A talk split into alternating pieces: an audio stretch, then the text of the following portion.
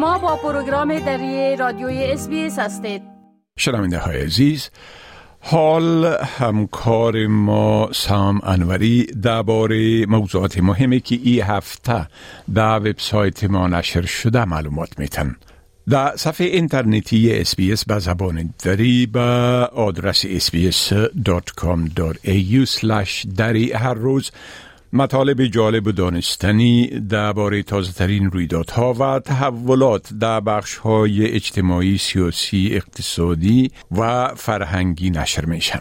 آقای انوری سلام عرض می کنم خب اولتر از همه اگر لطفا به صورت عمومی بگوین که در ای هفته چی رویدادهای مهم رخ داده که در وبسایت ما هم به نشر رسیدن با سلام به شما و شنوندگان عزیز. خب در این هفته دو رویداد نسبتا مهم داشتیم که یکی برگزاری جام ملبورن و دیگری هم افزایش نرخ سود برای هفتمین ماه متواتر بود. هرچند که زمان از جام ملبورن به عنوان مسابقه یاد می شد که تمام ملت به تماشای آن متوقف می شد اما اکنون شماره روزافزونی از استرالیایی ها به مخالفت با این مسابقه اسب دوانی برمیخیزند. ما در یک گزارش مفصل به اهمیت انجام و استدلال دو طرف بحث پرداختیم. همچنین هیئت مدیره بانک مرکزی استرالیا در جلسه ماه نوامبر خود تصمیم گرفت که نرخ سود قرضه را با 25 0.25 درصد دیگر بالا ببره و بدین ترتیب نرخ سود را که در اوایل سال جاری به سطح تاریخی 0.1 درصد پایین بود به 2.85 درصد برسانه. یکی از تاثیرات افزایش نرخ سود کاهش قیمت ملک و خانه بوده و بر اساس آماری که در اول ماه منتشر شد قیمت خانه در استرالیا در ماه اکتبر برای ششمین ماه متواتر سقوط کرده. گفتگوی با قیس احمد یک تن از بازیکنان تیم ملی کرکت افغانستان داشتیم که در او اظهارات جالبی درباره برخورد طالبا با ورزش کریکت داشته. همچنین گزارش شفافیت مالی شفافیت مالیاتی اداره مالیات استرالیا منتشر شد. بر بنیاد ارقام ارائه شده در این گزارش درآمد دولت استرالیا در سال مالی 2020-21 از مالیات شرکت های بزرگ نزدیک به 20 درصد افزایش یافته. اما هنوز هم حدود 32 درصد از شرکت های بزرگ اصلا هیچ مالیه پرداخت نکردند. گزارش دیگری در مورد افزایش مدت انتظار ویزاهای ویزیتوری استرالیا منتشر شد که نشان می‌داد متقاضیان این ویزاها در سال جاری در مقایسه با سالهای قبل از کرونا چند برابر بیشتر انتظار کشیدند و همچنین در شمار متقاضیان این ویزاها کاهش قابل توجهی آمده. تغییرات تازه در کارت تخفیف سالمندان به اجرا آمد که ما در گزارش این تغییرات را هم شرح دادیم.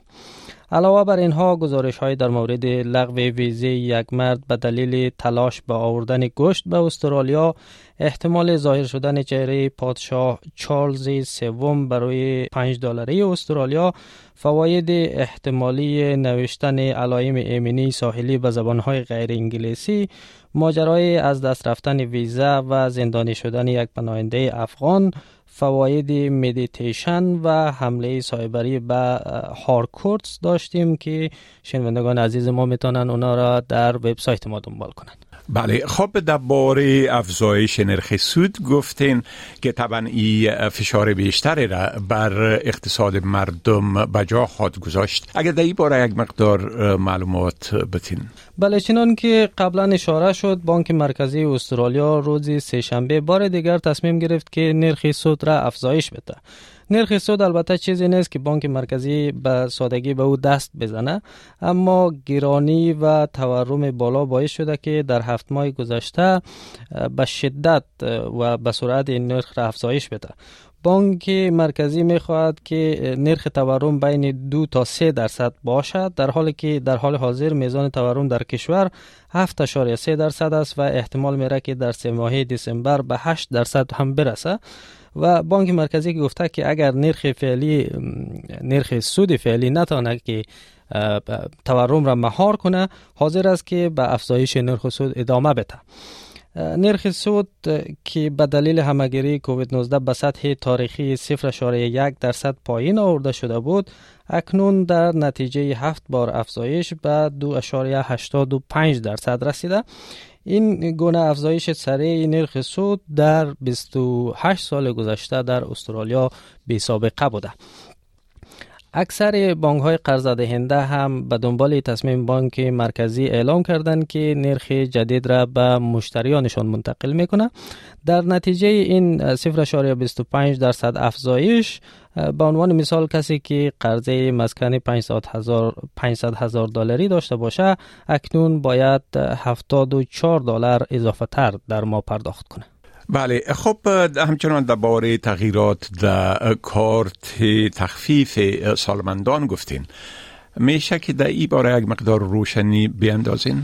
بله در نتیجه بلند رفتن سقف آزمون درآمد برای دارندگان کارت مراقبت بهداشتی سالمندان یا کامنولت سینیرز هلت کر کارت ده ها هزار تن از استرالیایی های متقاعد اکنون می‌تونن که به دوا و درمان ارزانتر دسترسی پیدا کنند تغییرات جدید که یکی از وعده های انتخاباتی حکومت کارگر بود به این معناست که پس از این افراد دارای درآمد بالاتر هم می‌تونن واجد شرایط دوا و درمان یارانهی یا سبز شناخته شوند.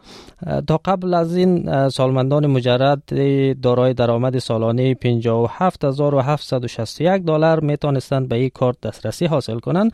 اما فعلا این محدودیت تا سقف 90 هزار دلار افزایش یافته است.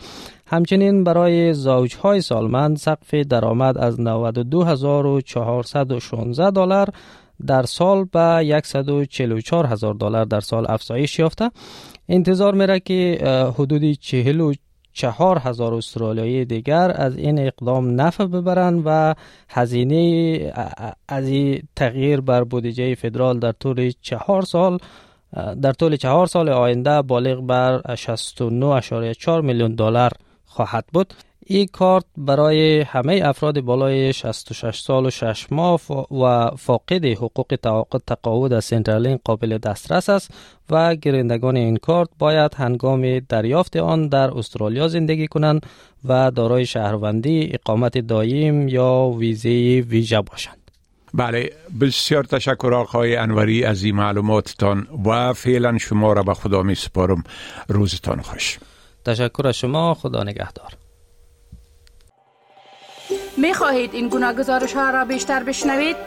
با این گزارشات از طریق Apple Podcast، Google Podcast، Spotify و یا هر جایی که پادکاستتان را می گیرید گوش دهید.